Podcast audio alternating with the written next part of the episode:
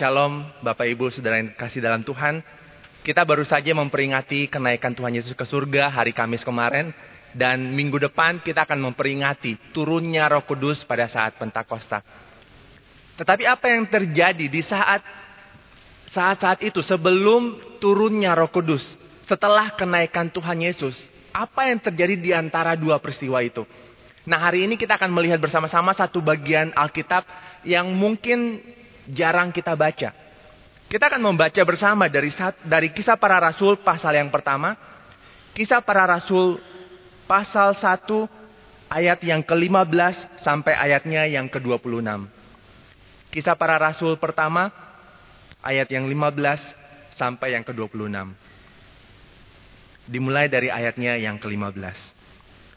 Pada hari-hari itu berdirilah Petrus di tengah-tengah saudara-saudara yang sedang berkumpul itu Kira-kira 120 orang banyaknya.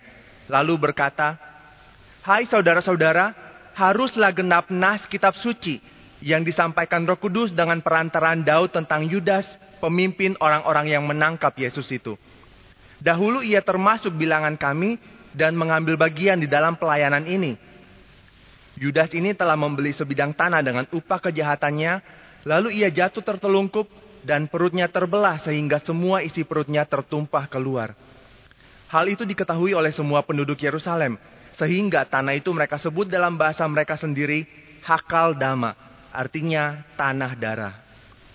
Sebab ada tertulis dalam kitab Mazmur, biarlah perkemahannya menjadi sunyi dan biarlah tidak ada penghuni di dalamnya dan biarlah jabatannya diambil orang lain.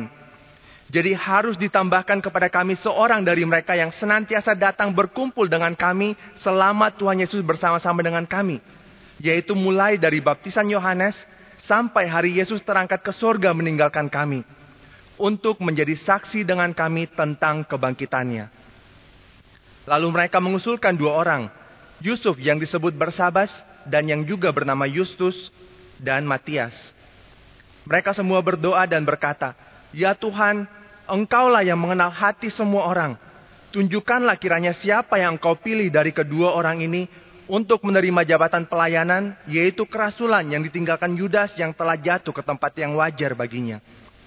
Lalu mereka membuang undi bagi kedua orang itu, dan yang kena undi adalah Matias. Dan dengan demikian, ia ditambahkan kepada bilangan ke-11 rasul itu. Demikian firman Tuhan. Bapak ibu saudara, ini adalah suatu cerita yang menarik Menarik bukan hanya secara historis apa yang terjadi pada saat itu, tetapi juga menarik ketika kita melihat apa relevannya bagi kehidupan kita sekarang. Permisi tanya, apakah ada dari kita yang menjadi pengurus bidang atau pengurus komisi karena diundi?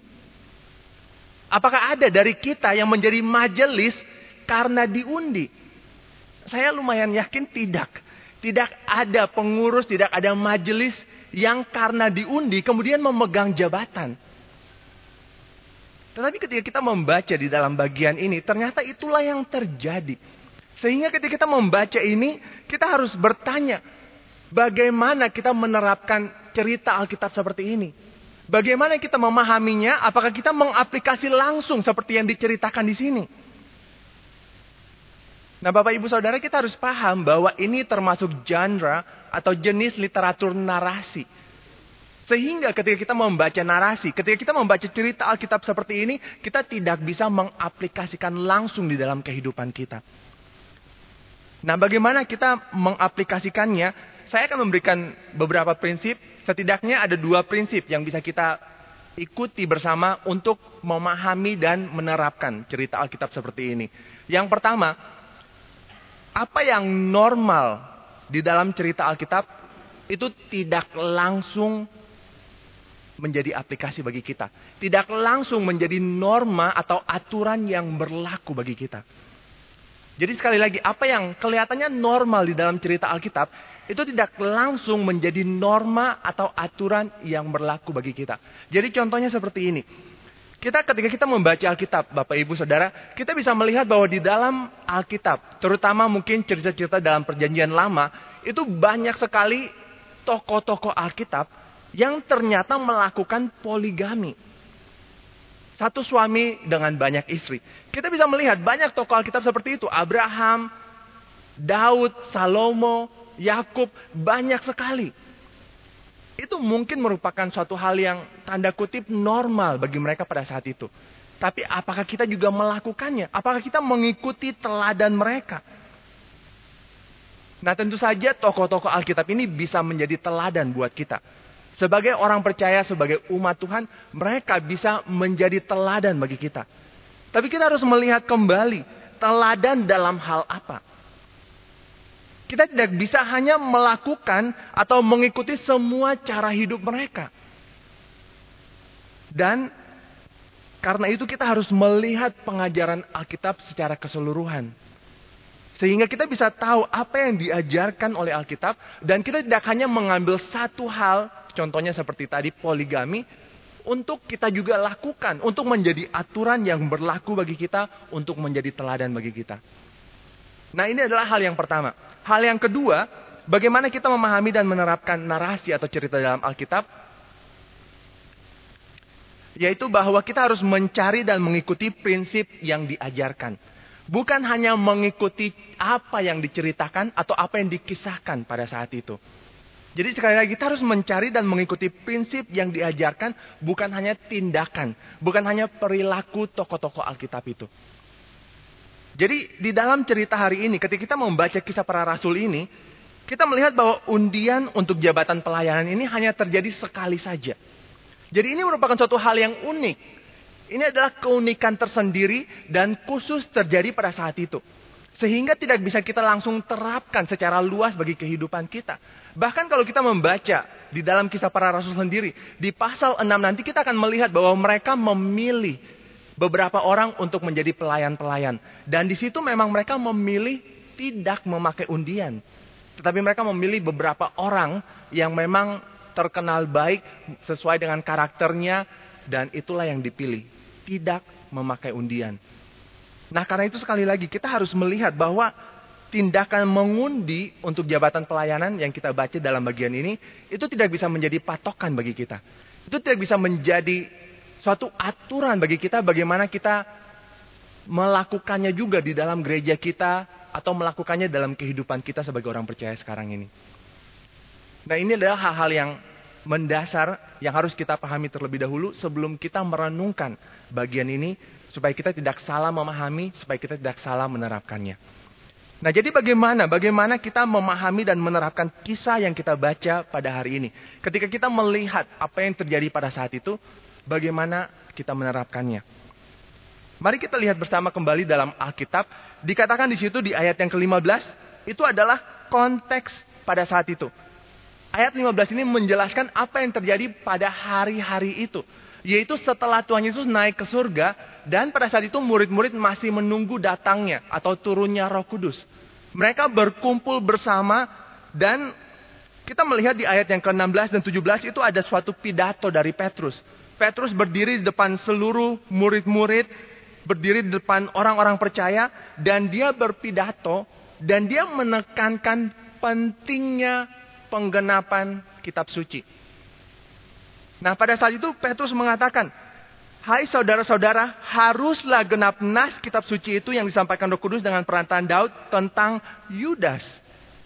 Di sini Petrus memahami bahwa ada suatu keharusan bahwa kitab suci itu harus digenapi tentang Yudas. Yudas yang memang menjadi bagian di dalam 12 murid-murid Yesus yang pertama itu. Yudas yang adalah seorang rasul bersama dengan murid-murid yang lain. Tetapi kita tahu bahwa Yudas telah berkhianat. Dan di bagian ini di ayat yang ke-18 dan 19 itu dijelaskan lebih lanjut apa yang terjadi dengan Yudas. Hukuman yang menimpa Yudas, bagaimana dia mati dan apa yang terjadi kepadanya. Nah, tetapi kalau kita lihat kembali di ayat ini, ayat 16 sampai 17 ini, ada satu hal yang menarik bahwa Petrus mengatakan haruslah genap. Dan kata harus ini memakai di dalam bahasa aslinya memakai kata dei itu menunjukkan ada makna suatu divine divine necessity. Yaitu bahwa ada satu keharusan harus digenapi, harus terjadi, harus karena ini merupakan kehendak Allah sendiri. Nah inilah kata yang dipakai oleh Petrus. Haruslah genap. Dan kemudian kalau kita membaca lebih lanjut, ternyata memang di ayat yang ke-20 itu Petrus mengutip dua ayat dari perjanjian lama. Dua ayat dari kitab Mazmur tentang apa yang akan terjadi kepada Yudas atau apa yang harus digenapi tentang Yudas ini.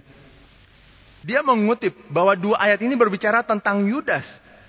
Dan kenapa harus digenapi? Karena memang harus ada yang menggantikan posisi Yudas sebagai rasul untuk bersaksi tentang Yesus. Untuk bersaksi tentang kebangkitan Yesus. Karena itu harus ada yang menggantikan Yudas. Tapi lebih daripada itu harus ada yang menggantikan Yudas karena memang inilah kehendak Allah itu. Karena kitab suci harus digenapi. Jadi ayat 21 harus kembali lagi memakai kata day itu. Harus ditambahkan kepada kami harus ada yang menggantikan Yudas. Bapak Ibu di saudara, sampai di sini kita harus berhenti sejenak untuk merenungkan. Kenapa hal ini penting untuk dicatat dalam Alkitab? Dan apa yang bisa kita pelajari dari bagian ini? Yang pertama, apa yang bisa kita pelajari dari bagian ini? Yaitu bahwa kita melihat dan kita bisa belajar tentang kedaulatan Allah bahwa memang Allah adalah Allah yang in control of everything. Allah yang memegang kendali atas segala sesuatu yang terjadi di dunia ini. Dan karena itu kita perlu berserah kepadanya. Kita perlu percaya kepada Allah yang berdaulat ini. Dan kita perlu terus berserah, bersandar kepadanya. Itulah hal pertama yang bisa kita pelajari di sini. Kita bisa melihat pada saat itu memang Yudas yang termasuk dari bilangan rasul-rasul itu. Memang Yudas telah berkhianat dia telah menjual Yesus, dia telah membeli tanah dengan upah kejahatannya, dan dia telah mati dihukum oleh Tuhan. Sehingga mereka mengatakan bahwa memang jabatannya itu harus digantikan orang lain. Dan memang semua ini harus terjadi. Karena ini sesuai dengan rencana Tuhan. Ini sesuai dengan kehendak Tuhan. Harus digenapi. Dan pasti terjadi. Karena inilah rencana Allah. Dan bahkan sudah disampaikan di dalam perjanjian lama. Tapi menarik sekali kalau kita melihat tentang hal ini. Apa yang terjadi dengan Yudas ini pasti membuat rasul-rasul yang lain itu shock. Kita bisa bayangkan apa yang mereka rasakan pada saat itu. Dimulai dari ketika mereka melihat Yudas berkhianat, menjual Yesus, memimpin orang-orang untuk menangkap Yesus. Mereka pasti kecewa, mereka pasti kesel, mereka pasti putus asa, mereka pasti marah, ada sakit hati. Dan ketika mereka melihat apa yang terjadi kepada Yudas, bahkan mereka mungkin takut melihat semuanya ini. Tetapi apa pun yang mereka rasakan itu, semua sakit hati, semua kecewa, semua putus asa, meskipun mereka mengalami semuanya itu, setelah kenaikan Tuhan Yesus ke surga, mereka memahami bahwa memang semua ini harus terjadi. Karena inilah kehendak Allah. Mereka sadar bahwa memang Allah mereka dan Allah kita adalah Allah yang berdaulat. Dia adalah Allah yang memegang kendali atas semuanya. Sehingga apa yang dilakukan oleh Yudas itu pun tidak di luar dari kehendak Allah. Apa yang terjadi kepada Yudas itu pun akan menggenapi rencana Allah. Mereka memahami bahwa semuanya ini harus digenapi karena Allah adalah Allah yang berdaulat. Dan karena itu sebenarnya mereka hanya perlu berserah. Mereka hanya perlu percaya kepada Allah yang berdaulat ini. Nah bagi kita pun sebagai orang-orang percaya. Kita pun sebenarnya perlu belajar percaya kepada Allah yang berdaulat ini. Kita perlu berserah, kita perlu bersandar kepada Allah yang berdaulat ini. Terutama mungkin ketika ada peristiwa dalam kehidupan kita yang membuat kita shock, yang membuat kita kesel, yang membuat kita sakit hati, yang membuat kita kecewa, yang membuat kita marah, yang membuat kita putus asa. Kita perlu kembali belajar bersandar kepada Allah yang memegang kendali atas semua yang terjadi dalam kehidupan kita ini. Sama seperti rasul-rasul pada saat itu. Kalau memang Yudas yang adalah salah satu murid Yesus. Kalau Yudas yang berkhianat dan menjual Yesus, dan ternyata murid-murid yang lain pada akhirnya bisa menerima apa yang terjadi itu dan bisa move on, maka kita pun harus bisa melakukan hal itu. Maka kita pun harus belajar melakukan hal itu. Karena memang sekali lagi semuanya itu ada di dalam kedaulatan Allah. Dan apa yang terjadi kepada murid-murid pada saat itu? Mereka melihat salah satu temannya sendiri menjual guru mereka, menjual Tuhannya mereka. Mereka melihat dan mengalami semuanya itu. Tapi pada akhirnya mereka tetap bisa menerima karena semua itu ada dalam kedaulatan Allah. Maka sekarang apa yang kita alami ini sebenarnya tidak ada apa-apanya dibandingkan dengan mereka pada saat itu. Memang benar mungkin kita hidup dalam masa-masa sulit sekarang. Mungkin kita hidup dalam masa pandemi yang memang tidak pernah terjadi di dalam kehidupan kita sebelumnya. Dan kita mungkin memang menderita. Memang ada kesulitan-kesulitan yang kita hadapi sekarang. Tapi sekali lagi kita perlu percaya kepada Allah yang berdaulat. Bahwa semuanya ini terjadi tidak di luar dari kehendak Allah.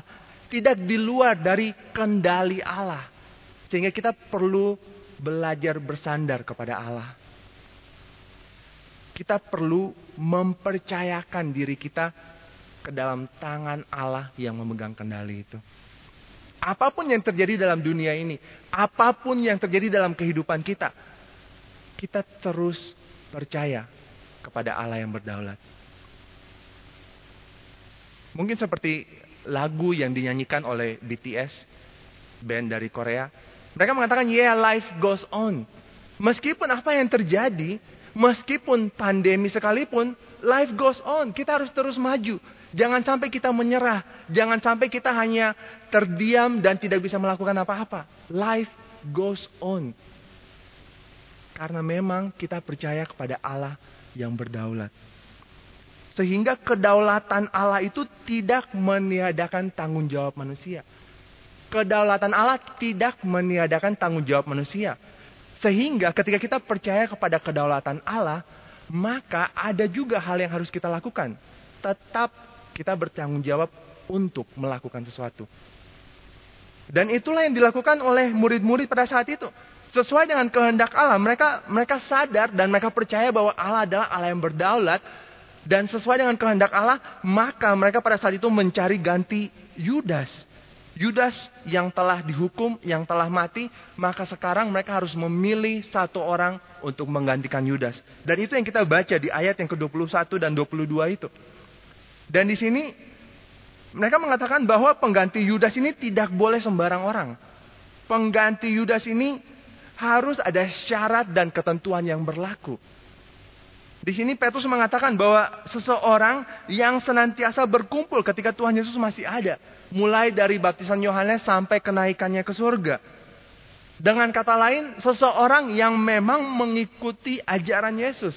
Seseorang yang memang mengikuti pelayanan Yesus dari awal sampai dia naik ke surga. Dengan kata lain, seseorang yang adalah murid Yesus. Pengganti Yudas tidak bisa sembarang orang. Dia haruslah seorang pengikut Yesus, seorang murid Yesus. Kenapa harus demikian? Karena pelayanan ini ada tujuannya. Apa tujuannya? Petrus mengatakan untuk menjadi saksi dengan kami tentang kebangkitannya. Yaitu memang untuk bersaksi tentang Yesus Kristus. Untuk bersaksi tentang iman Kristen. Karena itu sekali lagi pengganti ini tidak bisa sembarang orang. Harus benar-benar murid Yesus. Pengikut Yesus. Maka kemudian kalau kita membaca terus Diusulkan dua orang dan mereka berdoa meminta Tuhan menunjukkan siapa yang Tuhan pilih. Mereka tahu bahwa memang pada akhirnya kehendak Tuhanlah akan terjadi karena memang dia adalah Allah yang berdaulat. Dan mereka meminta Tuhan tunjukkan siapa yang Tuhan pilih dan kemudian mereka mengundi dan yang kena undi adalah Matias. Dengan demikian ia menjadi rasul bersama dengan kesebelas rasul-rasul itu. Nah jadi kembali kita melihat apa prinsip yang bisa kita pelajari dari cerita ini. Yang pertama tadi kita telah melihat bahwa Allah kita adalah Allah yang berdaulat. Dan kita perlu percaya kepada Allah. Prinsip yang kedua yang bisa kita pelajari yaitu bahwa hanya murid Yesus yang boleh memegang jabatan pelayanan. Tentu saja pada saat itu unik karena mereka mencari pengganti rasul. Tapi ini pun berlaku bagi kita semua. Sekarang ini di dalam gereja kita hanya murid Yesus yang boleh memegang jabatan pelayanan. Ini tidak bisa ditawar. Karena memang jabatan pelayanan itu ada tujuannya. Sebagai gereja kita bersaksi tentang Tuhan. Maka hanya murid Yesus yang boleh memegang jabatan pelayanan. Kalau benar murid Yesus, kalau benar dia bisa bersaksi untuk Tuhan, maka sebenarnya apa yang dilakukan di sini diundi pun nggak masalah. Nggak masalah diundi, karena memang benar murid Yesus. Dan Tuhanlah yang memang pada akhirnya memilih siapa yang menjadi pelayannya. Karena memang Tuhanlah yang berdaulat. Karena itu mereka mengundi, tidak masalah memakai undian seperti ini. Kalau memang benar itu adalah murid Yesus. Tapi sebaliknya Bapak Ibu Saudara. Kalau kita memegang jabatan pelayanan di gereja. Dan kalau kita bukan murid Yesus. Maka kita harus bertobat. Sekali lagi, kalau kita memegang jabatan pelayanan di gereja, apa pun itu, kita mungkin menjadi pengurus bidang komisi, kita mungkin menjadi majelis, atau bahkan saya sebagai hamba Tuhan. Kalau kita tidak sungguh-sungguh hidup sebagai murid Yesus, sebagai pengikut Yesus, maka kita harus bertobat. Ini berlaku bagi saya. Dimulai dari saya sebagai hamba Tuhan. Berlaku bagi rekan-rekan hamba Tuhan yang lain. Berlaku bagi setiap majelis, berlaku bagi setiap pengurus. Kalau kita bukan murid Yesus, kita tidak hidup sebagai murid Yesus, kita harus bertobat. Ini tidak bisa ditawar. Hanya murid Yesus yang boleh memegang jabatan pelayanan.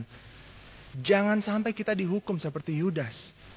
Apa yang terjadi kepada Yudas? Kita tahu memang apa yang dilakukan oleh Yudas itu harus terjadi. Itu sudah merupakan kehendak Tuhan. Tapi Tuhan Yesus sendiri pernah berkata, celakalah orang seperti Yudas. Memang harus terjadi di dalam kedaulatan Tuhan, hal itu harus terjadi. Tetapi celakalah Yudas. Dan jangan sampai kita menjadi sama seperti Yudas.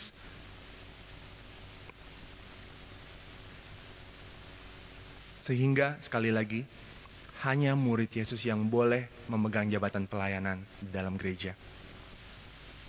Kalau kita mempunyai posisi untuk memilih seseorang menjadi jabatan untuk memegang jabatan pelayanan, maka kita pun harus memilih dengan benar.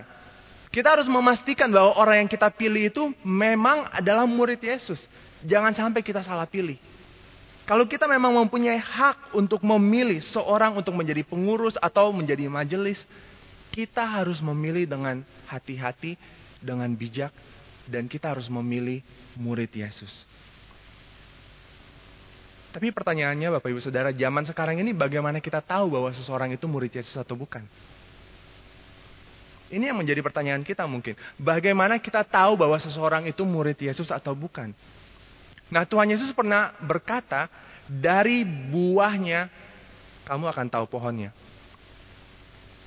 Maka kita harus melihat dari kehidupan orang itu. Apakah kehidupannya baik? Apakah karakternya baik? Apakah dia hidup seperti yang dikatakannya. Atau mungkin perkataannya dengan kehidupannya itu bertolak belakang.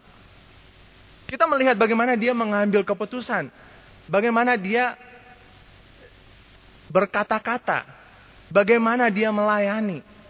Kita melihat semuanya itu.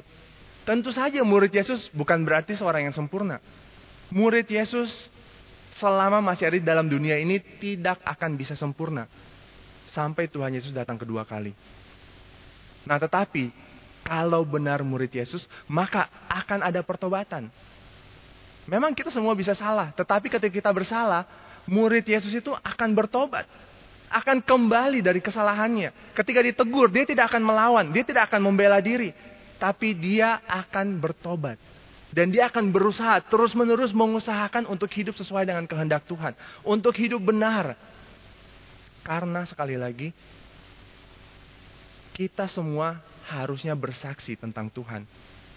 Dan kalau kita bukan murid Yesus, maka kita tidak akan bisa bersaksi. Kalau memang ada pertobatan karakter yang baik, usaha untuk hidup benar, maka memang mungkin itulah murid murid Yesus dan kita bisa memilih mereka untuk menjadi pelayan di dalam gereja. Pada akhirnya bagaimana kita memilih, kita bisa memakai apa yang dilakukan oleh murid-murid pada saat itu. Mereka memakai kitab suci. Mereka memakai firman Tuhan sebagai dasar. Kita juga bisa melakukan itu. Kita bisa memakai Alkitab, firman Tuhan sebagai dasar untuk memilih pelayan-pelayan Tuhan. Kemudian mereka memakai akal budi. Mereka tidak hanya memakai feeling, tapi mereka berpikir siapa orang yang memang murid Yesus. Yang memang telah mengikut Yesus selama ini, mulai dari baptisan Yohanes sampai kepada kenaikannya ke sorga. Kita pun bisa memakai akal budi kita melihat bagaimana orang-orang yang ada sekitar kita, apakah memang mereka murid Yesus atau bukan. Dan pada akhirnya mereka berdoa.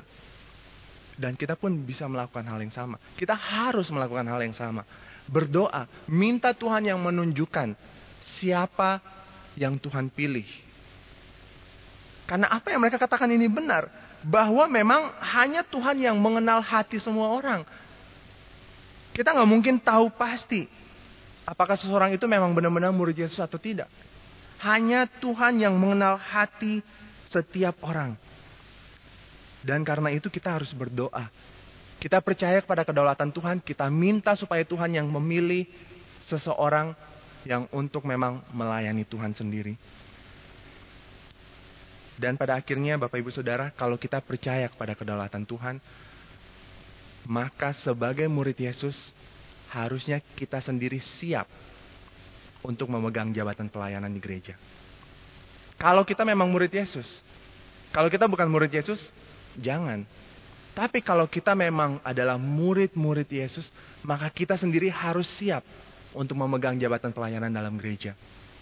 Karena sekali lagi tujuannya yaitu untuk bersaksi tentang Tuhan. Untuk melayani gereja Tuhan. Bayangkan kalau murid-murid Yesus tidak mau terima jabatan pelayanan. Mereka tidak mau melayani di gereja. Dan pada akhirnya orang-orang yang memang bukan murid yang melayani, yang memegang jabatan pelayanan, dan akibatnya gereja tidak bisa bersaksi, bukankah kita juga bertanggung jawab? Bukankah sebagai murid-murid Yesus kita ikut salah? Karena kita yang gak mau jadi pelayan, dan akhirnya yang bukan murid yang menjadi pelayan. Bukankah kita juga ikut bertanggung jawab? Sekali lagi, memang kita percaya kedaulatan Tuhan. Dan apa pun rencana Tuhan, apa pun kehendak Tuhan, itu yang pasti akan terjadi. Tapi jangan sampai kita ikut salah. Sama seperti Yudas. Kalau memang kita percaya kedaulatan Tuhan, maka sebagai murid Yesus, kita harus siap untuk dipakai Tuhan untuk melayani.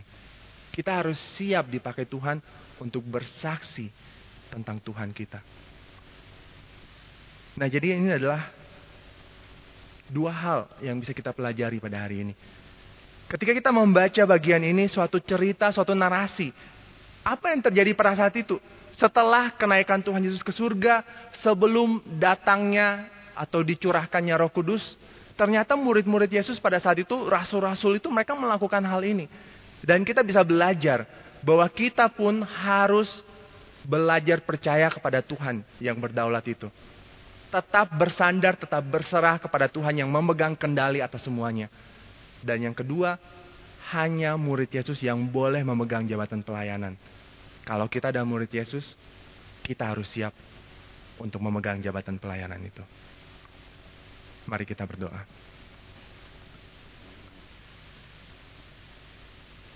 Bapak di surga kami bersyukur untuk firman-Mu yang boleh kami terima pada hari ini.